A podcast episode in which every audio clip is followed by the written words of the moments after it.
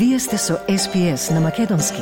Слушнете повеќе прилози на sps.com.au козацрта на Седонин.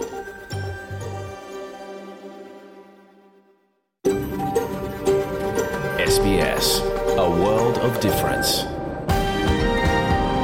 You're with SBS Macedonian on mobile, online, and on radio. Вие сте со SPS на Македонски на мобилен, преку интернет и на радио.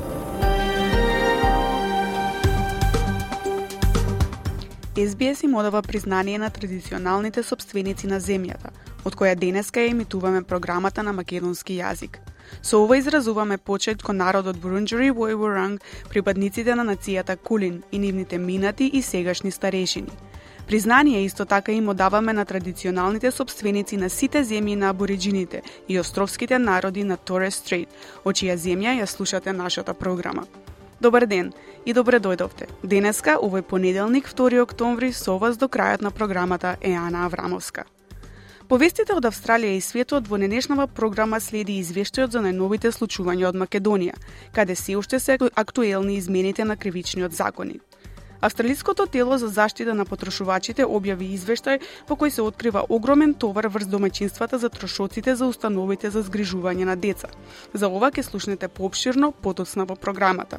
Исто така, од денеска, 2 октомври, во Викторија, северната територија, Тазманија и Западна Австралија, отворени се центрите за предвремено гласање за референдумот за воспоставување домороден глас во парламентот а од утре, 3 октомври, ќе бидат отворени во Квинсленд и Нов Јужен Велс. Па кон крајот на програмата ќе имате прилика да ја слушнете Елена Димчевска, двојазичен представник од Австралиската изборна комисија, со која колешката Радица Бојковска Димитровска разговараше за референдумот, каде, кога и како треба да се гласа правилно за да се важи вашиот глас. Останете со нас, драги слушатели, сега следуваат вестите на СБС со колешката Радица Бојковска Димитровска. Радица, повели.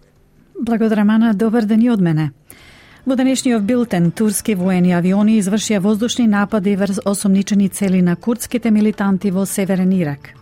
Денеска започнува предвременото гласање за воспоставување домороден глас во парламентот. Македонската опозицијска ВМРО ДПМН ќе го напушти собранието во случај законот за амнестија да влезе во собраниска процедура со европско знаменце. И председателот на САД Џо Бајден уверува дека посветеноста на неговата земја за поддршка на Украина и натаму не е разнишана. Останете со нас. Турски воени авиони извршија воздушни напади врз осомничени цели на курдските милитанти во Северен Ирак. Нападите се случија неколку часа по самоубиствениот напад на владина зграда во турскиот главен град. Турското министерство за внатрешни работи соопшти дека во воздушната операција биле уништени 20 цели на курдската Курдестанската работничка партија, а биле убиени и голем број оперативци на партијата ПКК. Предходно вчера, недела 1 октомври, бомбаш самоубиец активираше експлозив во близина на Министерството за внатрешни работи, а вториот нападјач беше убиен во престрелка со полицијата. Работничката партија на Курдистан ја презе до одговорноста за самоубиствениот напад, јавуваат локалните медиуми. Турскиот председател Реджеп Тајп Ердоган вели дека нападот ги загрозил мирот и безбедноста во Турција. As a result of the timely intervention of our security forces this morning, the action in which two murderers were neutralized is the last stand of terrorism. The scoundrels who targeted the peace and security of the citizens could not achieve their goals. They will never reach it. Emellerine ulaşamamıştır. Лабористичката сенаторка Маландери Мекарти вели дека останува уверена дека австралиците ќе гласаат за на престојниот референдум за воспоставување домороден глас во парламентот. Денеска понеделник, 2 октомври, се отвораат центрите за предвремено гласање, а до референдумот има само две седмици. Центри за предвремено гласање се отворени во Викторија, Западна Австралија, Тасманија и Северната територија. За останатите држави кои денеска имаат државен празник, предвременото гласање се отвора утре, 3 октомври. Тоа значи дека луѓето во Нов Јужен Велс, Квинсленд, Јужна Австралија и австралиската главна територија ќе можат предвремено да го дадат својот глас од утре вторник, 3 октомври. Господи Самекарти вели дека гледа значителна поддршка за домородниот глас во парламентот.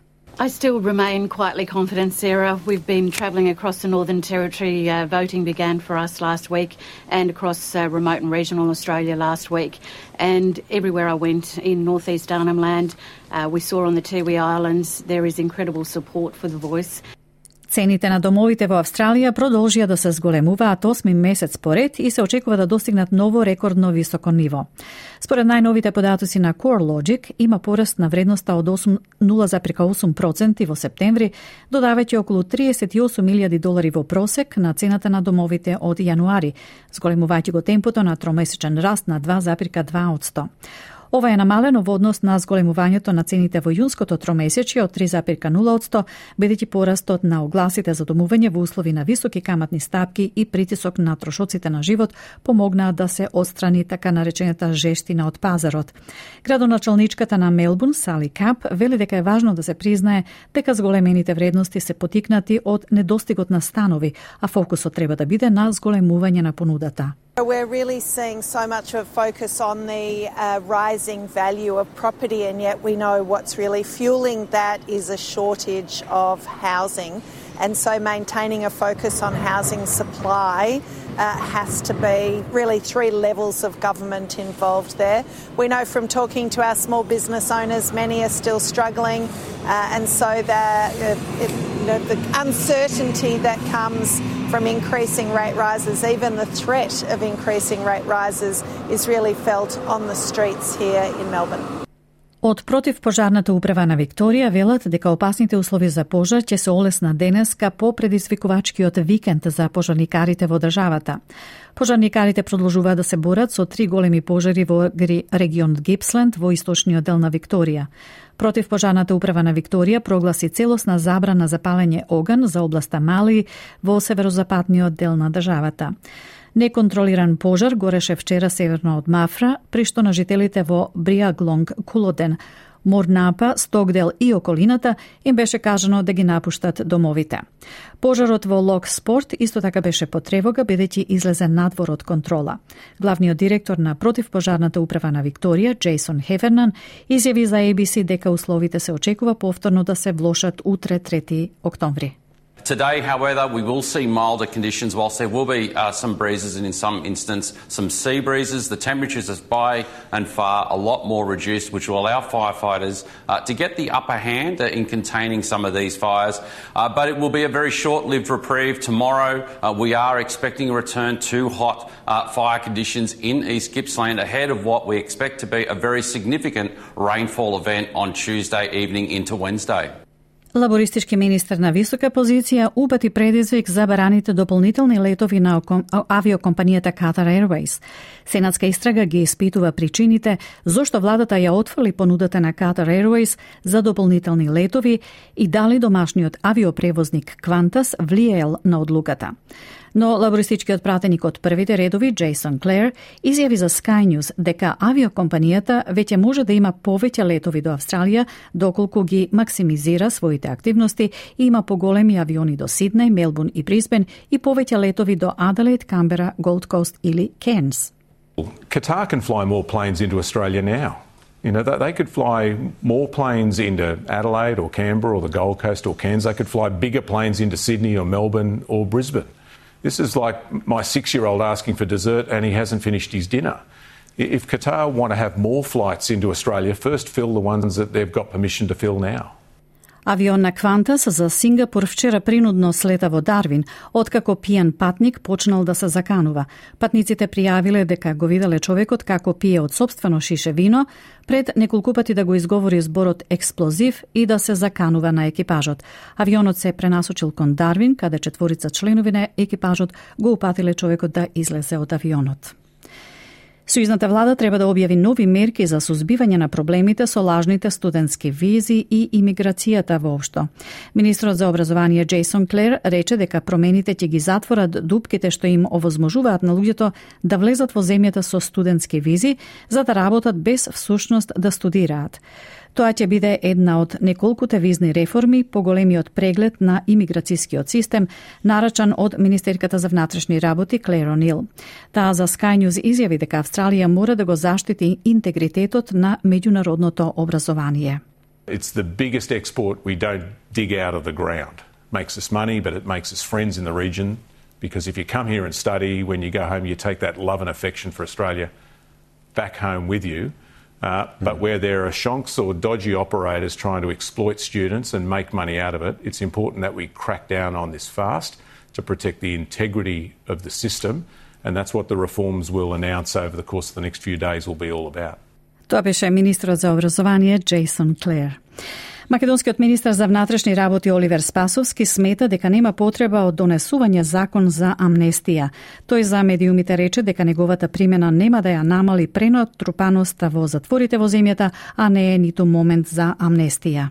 Офатот кој што е барем соопштен дека ќе офати прилично мал број на, на лица, а, исто така нема да, да помогне во многу, меѓутоа, еве сега тоа е работа на, на собранието.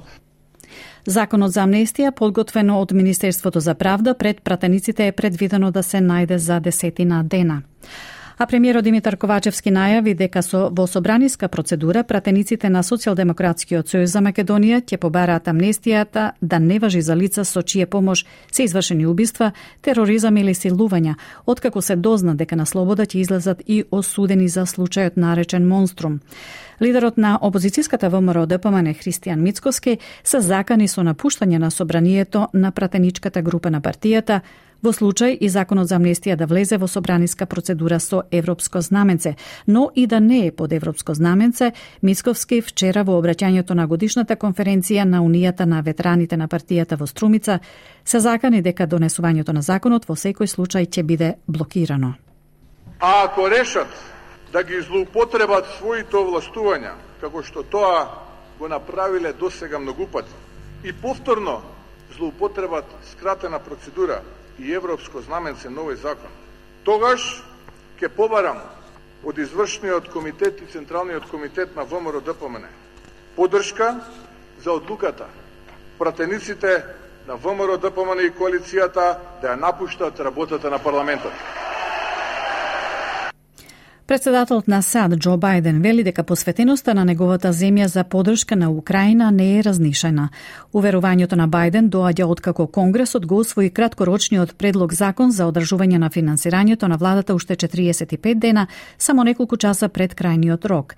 Пакетот за финансирање не вклучува воена помош од 6 милиарди долари за Украина, што беше главен приоритет на Белата куќа, но на која се спротивставија се поголем број екстремно десничарски републиканци. Бајден вели дека се уште има мнозинска поддршка за обезбедување помош за Украина. I want to assure our American allies and the American people and the people of Ukraine that you can count on our support. We will not walk away. The vast majority of both parties, I'll say it again, Democrats and Republicans, Senate and House, support helping Ukraine and the brutal aggression that's being thrust upon them by Russia. Stop playing games. Get this done.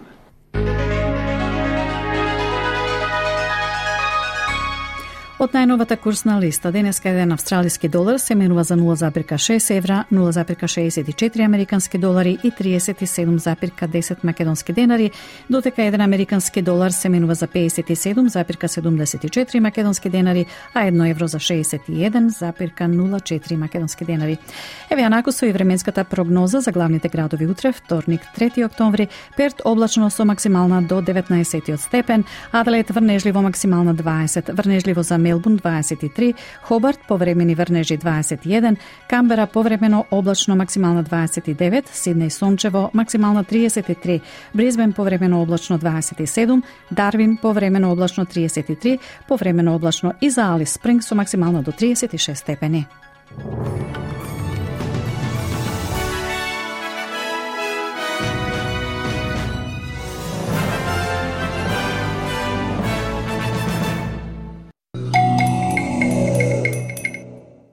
Ја следите програмата на SBS Audio, а со вас денеска е Ана Аврамовска.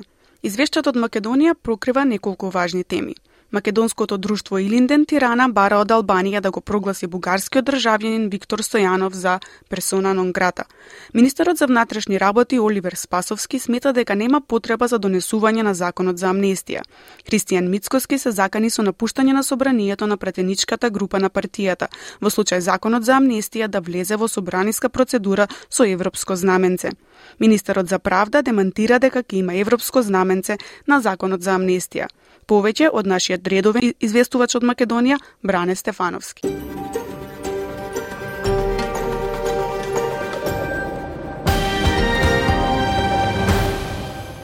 Македонското друштво Илинден Тирана побара од властите на Албанија да го прогласат бугарскиот државјанин Виктор Стојанов за персона нон грата.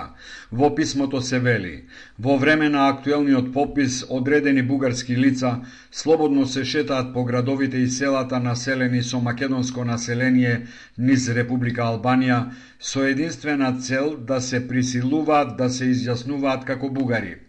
За таквата активност на бугарските емисари јавно зборуваат македонците, негодувајќи на говорот на омраза кои тие лица ги користат кон македонците, како и користењето на децата како погодни за подарување телефони и таблети, кои подоцна се користат како уцена за родителите за изјаснување како бугари.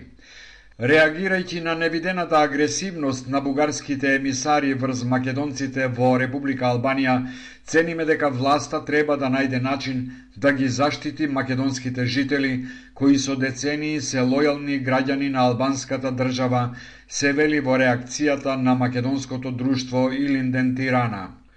Друштвото бара како што се вели во реакцијата поради екстремна агресивност, ширење говор на омраза и заканувачки пораки кон македонското население, Виктор Стојанов да се прогласи за персона нон грата и да му биде забранет влез во Република Албанија. Министерот за внатрешни работи Оливер Спасовски смета дека нема потреба од донесување на законот за амнестија. Тој вели дека неговата примена нема да ја намали пренатрупаноста во затворите, а не ниту момент за амнестија, вели Спасовски за медиумите. Апсолутно не е соодветно ниту времето, ниту моментот на носен закон за, за амнестија. Второ, офатот кој што е барем соопштен дека ќе офати прилично мал број на, на лица, а исто така нема да, да помогне во многу, меѓутоа, еве сега тоа е работа на, на собранието, нема да имаме никакви ефекти во однос на а, носењето на законското решение. Дополнителен проблем според Спасовски е тоа што амнестираните многу често, некогаш дури и по само неколку часа откако ја напуштиле затворската ќелија, прават ново кривично дело и се враќаат во затворите ние секогаш укажуваме на тоа дека а, оние а, лица кои што сториле кривични дела, пред се разбойништва, тешки кражби и така натаму, представуваат уште терет за безбедносната состојба или ако ги погледнеме минатите закони за амнестија, ќе видите дека најголемиот дел од тие лица за 2 до 3 месеци повторно се враќаат назад заради тоа што а, имаат повторно кривични дела Законот за амнестија подготвен од Министерството за правда пред пратениците е предвидено да се најде за десетина дена. Опозицијата се противи на неговото донесување и најави бројни аманмани. Власта пак со аманман ќе спречува од затвор да излезат и помагачи на тешки кривични дела. Премиерот Ковачевски најави дека во собраниска процедура Пратениците на СДСМ ќе побараат амнестијата да не важи за лица со чија помош се извршени убиства, тероризам или силувања, откако се дозна дека на слобода ќе излезат и осудени за случајот Монструм. Подписник на предлогот за амнестија е министерот за правда Кренар Лога, кој пресметал дека со донесување на законот на слобода ќе бидат пуштени над илјада затвореници. Лидерот на ВМРО ДПМН е Христијан Мицковски се закани со напуштање на собранието на пратеничката група на партијата во случај и законот за амнестија да влезе во собраниска процедура со европско знаменце. Но, иако на него нема европско знаме, Мицковски се закани дека донесувањето на законот во секој случај ќе биде блокирано. Ова Мицковски вчера го најави во обраќањето на годишната конференција на Унијата на ветераните на партијата во Струмица. Според Мицкоски, целта на овој закон е да се ослободат криминалци за да и помогнат на СДСМ во изборната трка, како и инволвираните во случајот Монструм. А ако решат да ги злоупотребат своите овластувања, како што тоа го направиле до сега многу пати, и повторно злоупотребат скратена процедура и европско знаменце на овој закон, тогаш ќе побарам од извршниот комитет и Централниот комитет на ВМРО да ДПМН поддршка за одлуката пратениците на ВМРО да ДПМН и коалицијата да ја напуштат работата на парламентот. Министерството за правда демантира дека законот за амнестија ќе биде означен со европско знаменце. Во писмената реакција на Министерството се вели Неосновани се тврдењата на председателот на ВМРО ДПМН Христијан Мицкоски дека законот за амнестија ќе се носи во скратена процедура со европско знаменце. Министерот за правда Кренар Лога уште од првиот ден, а исто така и на брифингот со медиумите што се одржа минатата недела, јасно кажа дека овој закон нема да се носи со европско знаменце и дека лично тоа е против можноста од злоупотреба на европското знаме за носење закони. Законот за амнестија е ист како тој од 2018 година со истите кривични дела за кои не е предвидена амнестија. Тој закон беше подпишан и поддржан од ВМРО ДПМНЕ. Колку и да сака ВМРО ДПМНЕ да амнестира своји поранешни избрани и именувани лица, таков закон нема да има, се вели во реакцијата на Министерството за правда. Реакција стигна и од СДСМ во која се вели продолжувањето на европскиот пат и интеграцијата во ЕУ го блокира токму ДПМНЕ во Македонското собрание. Мицкоски и ДПМНЕ не го поддржаа ниту преспанскиот договор, ниту членството во НАТО. Мицкоски е единствениот политичар кој не аплаудираше на усвојувањето на договорот во Македонското собрание кога се верификуваше нашето членство во НАТО. Денеска Мицкоски е во целосно заложништво на проруската левица. Цели 11 години ДПМН ја држеше земјата во изолација надвор од ЕУ и од НАТО, а денеска е главен кочничар на европската интеграција, се наведува во партиската реакција на СДСМ. Министерката за одбрана Славјанка Петровска по посетата на армискиот вод, кој е дел од силите на НАТО во Бугарија, во рамките на активностите на зголемена будност на Алијансата, воведени на вонредниот самит на НАТО во Брисел во март лани по руската агресија во Украина, изјави дека припадниците на армијата на Македонија, кои се дел од мултинационалните сили на НАТО во Бугарија, се на ниво на задачата мотивирани, посветени и исклучително професионални во остварувањето на единствената заедничка цел да бидат гарант за безбедноста на секоја педа сојузничка територија. Во базата во Новосело министерката Петровска им се заблагодари на македонските, но и на бугарските и на сите припадници на сојузничките армии кои се дел од мултинационалната група на НАТО во Бугарија за нивниот придонес кон безбедноста на НАТО.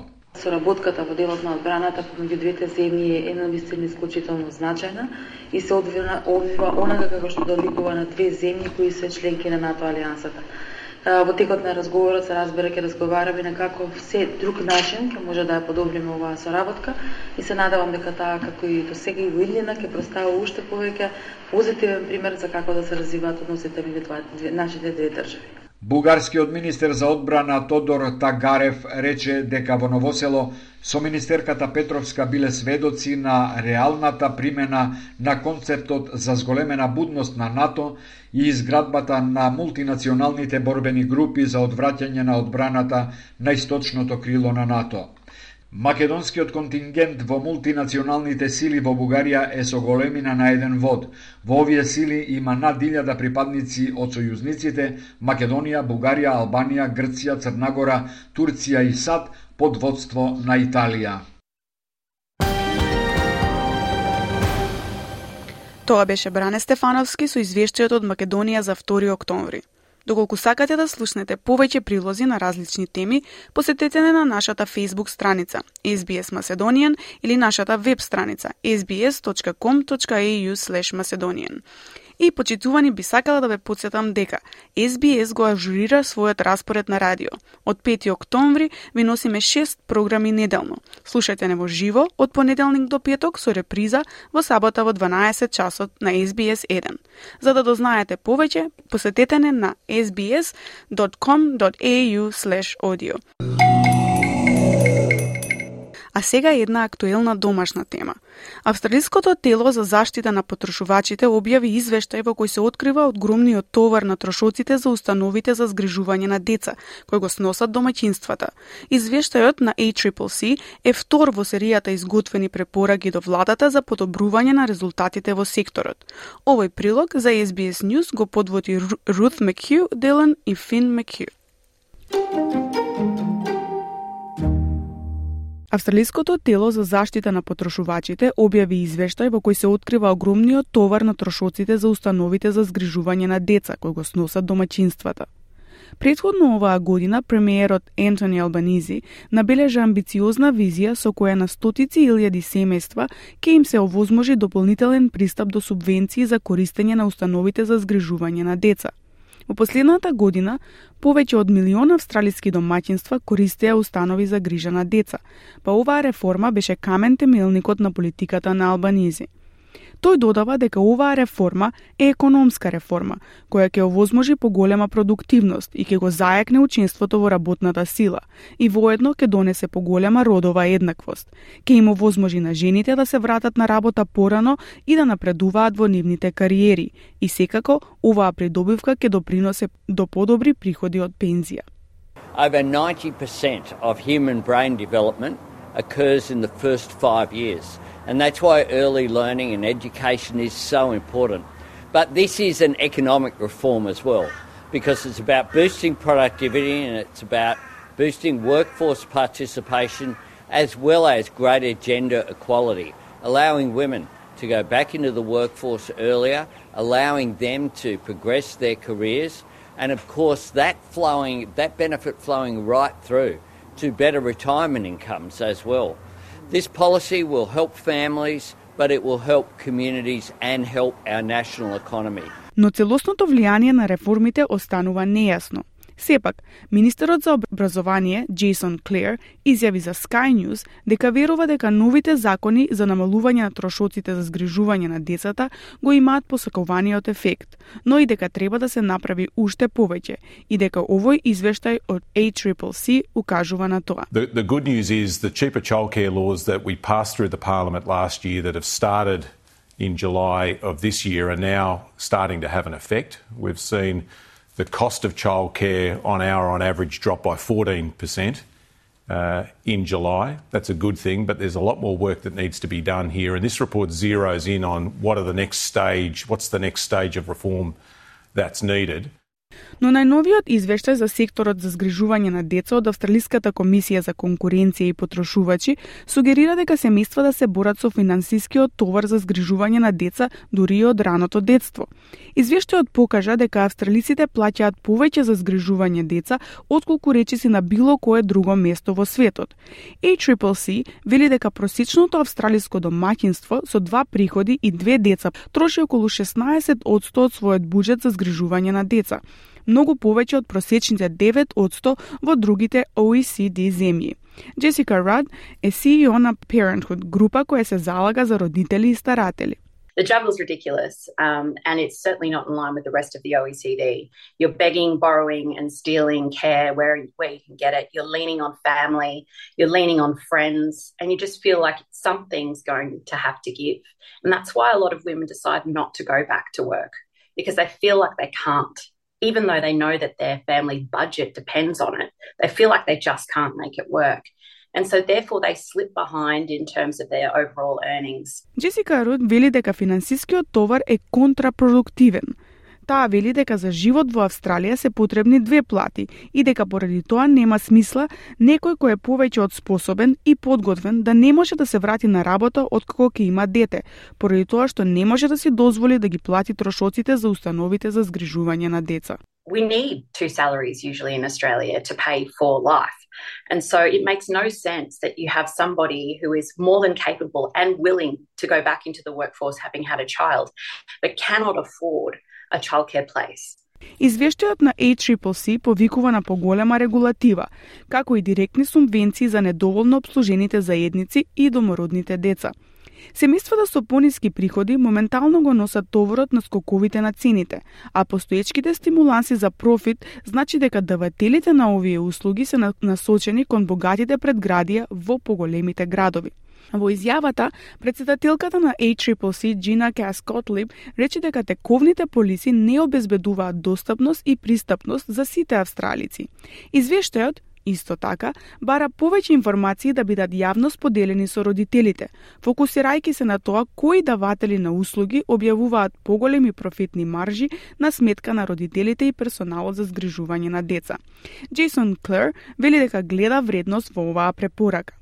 You know, the, the idea of naming and shaming providers that are just charging, you know, over the top fees makes a lot of sense to me. I, I made the point when our cheaper childcare laws came in a couple of months ago that if people were taking advantage of this just to, to jack up fees out of, out of proportion with what's happening in the economy, then there should be pressure placed on them. And here's a recommendation that does that.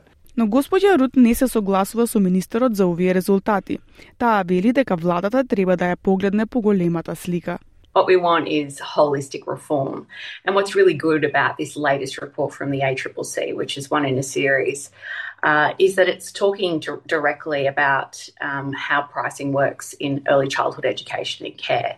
And what we would really like to see is affordable, universal, quality early childhood education and care for every child in Australia so that we can really pick up on those first five years, which are crucial to a child's development and make sure no child misses out. Но процесот не е завршен. ACCC треба да го достави својот трет и последен извештај до 31 декември, а поднесоците може да се поднесуваат преку веб страницата на ACCC се до 29 октомври оваа година. Ете, тоа беа вестите и извештајот од Македонија и актуелностите за 2 октомври. Останете со нас, драги слушатели. Следува и интервју со Елена Димчевска, двојазичен представник од Австралиската изборна комисија, со која колешката Радица Бојковска-Димитровска разговараше за референдумот. Од денеска, 2 октомври, во Викторија, Северната територија, Тазманија и Западна Австралија, отворени се центрите за предвремено гласање за референдумот за воспоставување домороден глас во парламентот. А од утре, 3 октомври, ќе бидат отворени и во Квинсленд и Нов Јужен Велс – Со Елена Димчевска, двојазичен представник од Австралиската изборна комисија, ќе слушнеме повеќе за референдумот, каде, кога и како да се гласа правилно за да се важи вашиот глас. Разговорот го води колешката Радица Бојковска-Димитровска. SPS на Македонски. Споделете ги нашите прилози на Facebook –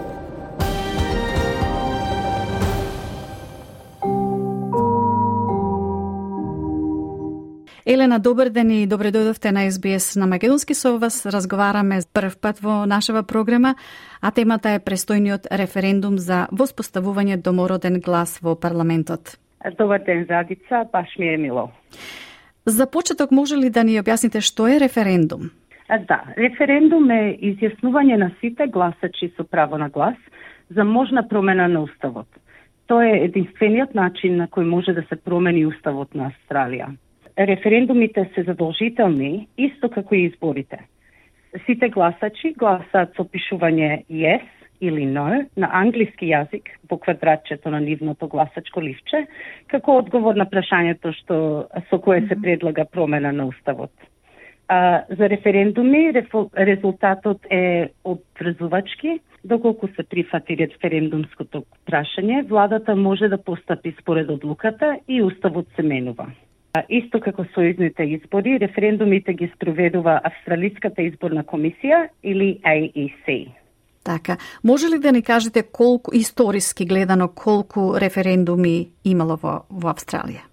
историски Австралија имаше 44 референдуми од нашиот прв референдум во 1906 година. Осум од нив беа усвоени од австралиските гласачи.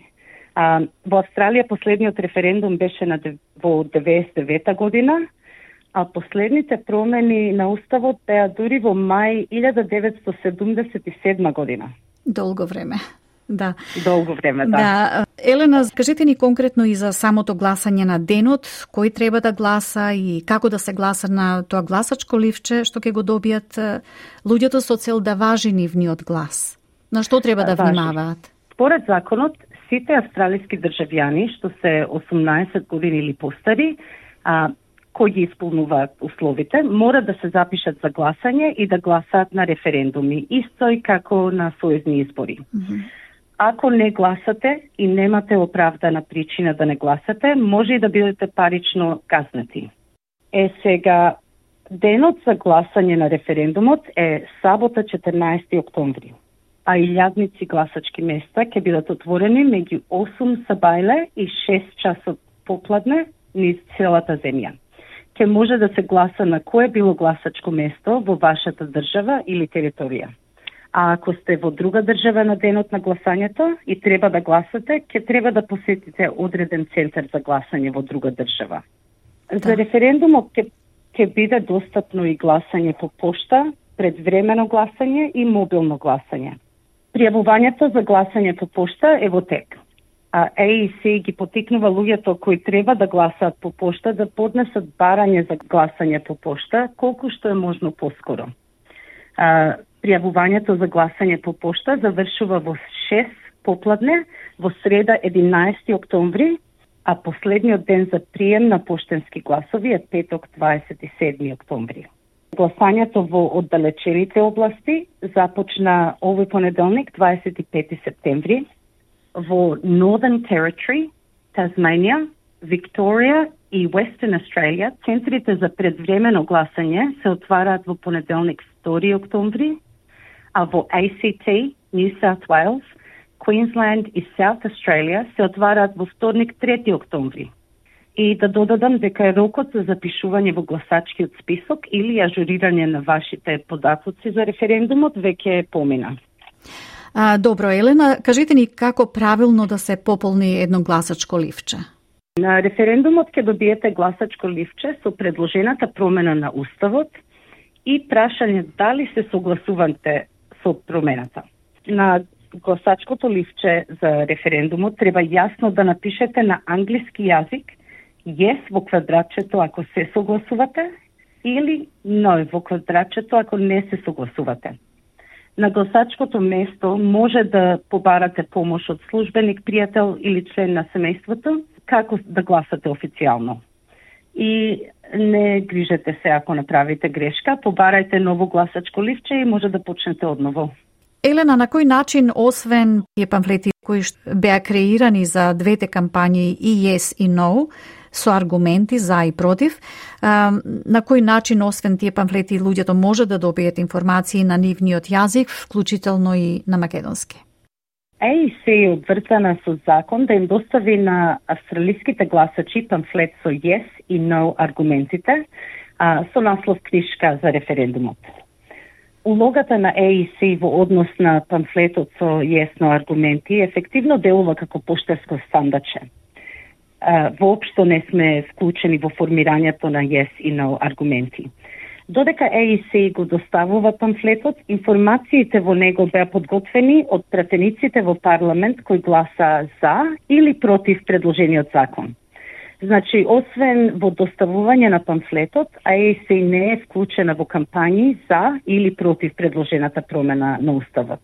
Книжката за референдумот со, ги содржи аргументите во корист на предложената уставна промена, аргументите против предложената уставна промена и изјава за предложената промена на Уставот. Памфлетите со јесно аргументи се достапни и доставени до домакинствата низ цела Австралија. Физичката испорака на памфлетот е само за копии напишани на англиски јазик. А, копија на памфлетот исто така е достапна на веб страницата на AEC, ЕИС ја, през, ја преведе книжката за референдумот на 34 јазици, вклучувајќи на македонски. И тие се исто така достапни на веб страницата на ЕИС, заедно со верзии со, во други достапни формати. Е, за време на референдумот е, ние водиме една од најголемите владини кампањи за комуникација со јавноста. А, кампањата е наменета да го подигне разбирањето за целта и процесот на референдум и да даде упатства за запишување во гласачкиот список и за гласање. А, тоа го правиме преку огласувања, ангажирање на заедниците, медиуми и социјалните мрежи. Угласната кампања вклучува угласи на други јазици и се изведува преку радио, печат, телевизиски и дигитални канали, за да им помогне на сите австралици да се подготват за гласање. Ако сакате да видите, може да ја посетите веб страницата aec.gov.au forward slash translated и таму може да најдете преведени информации за референдумот на 34 јазици, пак вклучувајќи информации а, на македонски и информации за процесот на гласање и како се спроведуваат референдуми. А AEC исто така нуди преведувачка услуга за гласачите кои бараат информации на друг јазик и дури од распишувањето на, референ... на референдумот, оваа услуга веќе ја користеле околу 700 лица. А гласачите може да користат оваа услуга во секое време, дури и кога ќе одат на гласање. Да, и на крајот уште едно прашање, Елена, во врска со референдумот, особено онлайн, може да се најдат многу дезинформации. Да, да, така е. За време на референдумот ам, може да најдете на информации кои не се подкрепени со докази, немаат контекст, па дури и намерно се погрешни. За да бидете добро информирани, бидете критични кога примате информации и размислете дали тие се точни и вистинити. ЕИС е активна во борбата против погрешни информации и дезинформации, а, но само ако тие се поврзани со процесот на спроведување на референдумот. ЕИС нема да ги проверува фактите во врска со тврдења на прашањето или активистите во ЕС или НОЙ кампањите. Значи, застанете, проверете и размислете за изборот на она што го гледате, слушате или читате. Добро, Елена Димчевска, ви благодарам што одвоивте време за овие корисни информации. Благодарам многу, Радица. Со Елена Димчевска, двојазичен представник на Австралиската изборна комисија за референдумот разговараше колешката Радица Бојковска-Димитровска. И да ве подсетиме, драги слушатели, од денеска 2 октомври во Викторија, северната територија, Тазманија и Западна Австралија отворени се центрите за предвремено гласање за референдумот за воспоставување домороден глас во парламентот. А од утре, 3 октомври, ќе бидат отворени и во Квинсленд и во Нов Јужен Велс. Се ближиме кон крајот и на ова издание на SBS на Македонски за 2 октомври, па да се подсетиме на некои од главните вести.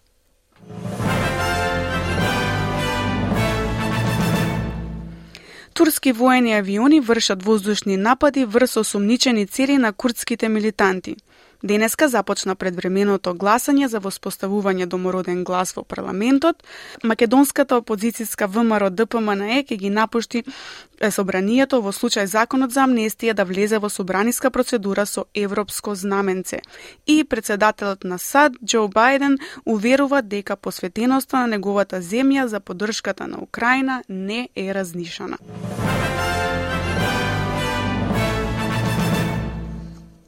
Пред крајот на програмава известување од Македонското литературно друштво Ванчо Николески од Квимбијан, кое распиша конкурс за најдобро прозно и поетско дело. Конкурсот е отворен за учесници од целиот свет кои творат на македонски јазик. Темата за овој конкурс е слободна, па секој автор може да поднесе по една песна или краток расказ од 800 зборови. Творбите би требало да се пратат на имейл адресата на Македонското литературно друштво Ванчо Николевски mld.v.николевски@gmail.com повторувам mld.v.николевски@gmail gmail.com најдоцна до 17 ноември. И тоа е се за денеска, почитувани слушатели. Ви благодарам што бевте со нас.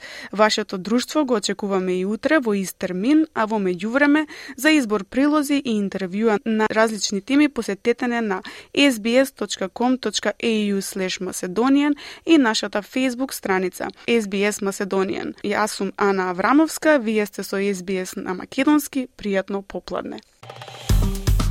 Стиснете, ми се допаѓа, споделете, коментирајте. Следете ја SPS на Македонски на Facebook.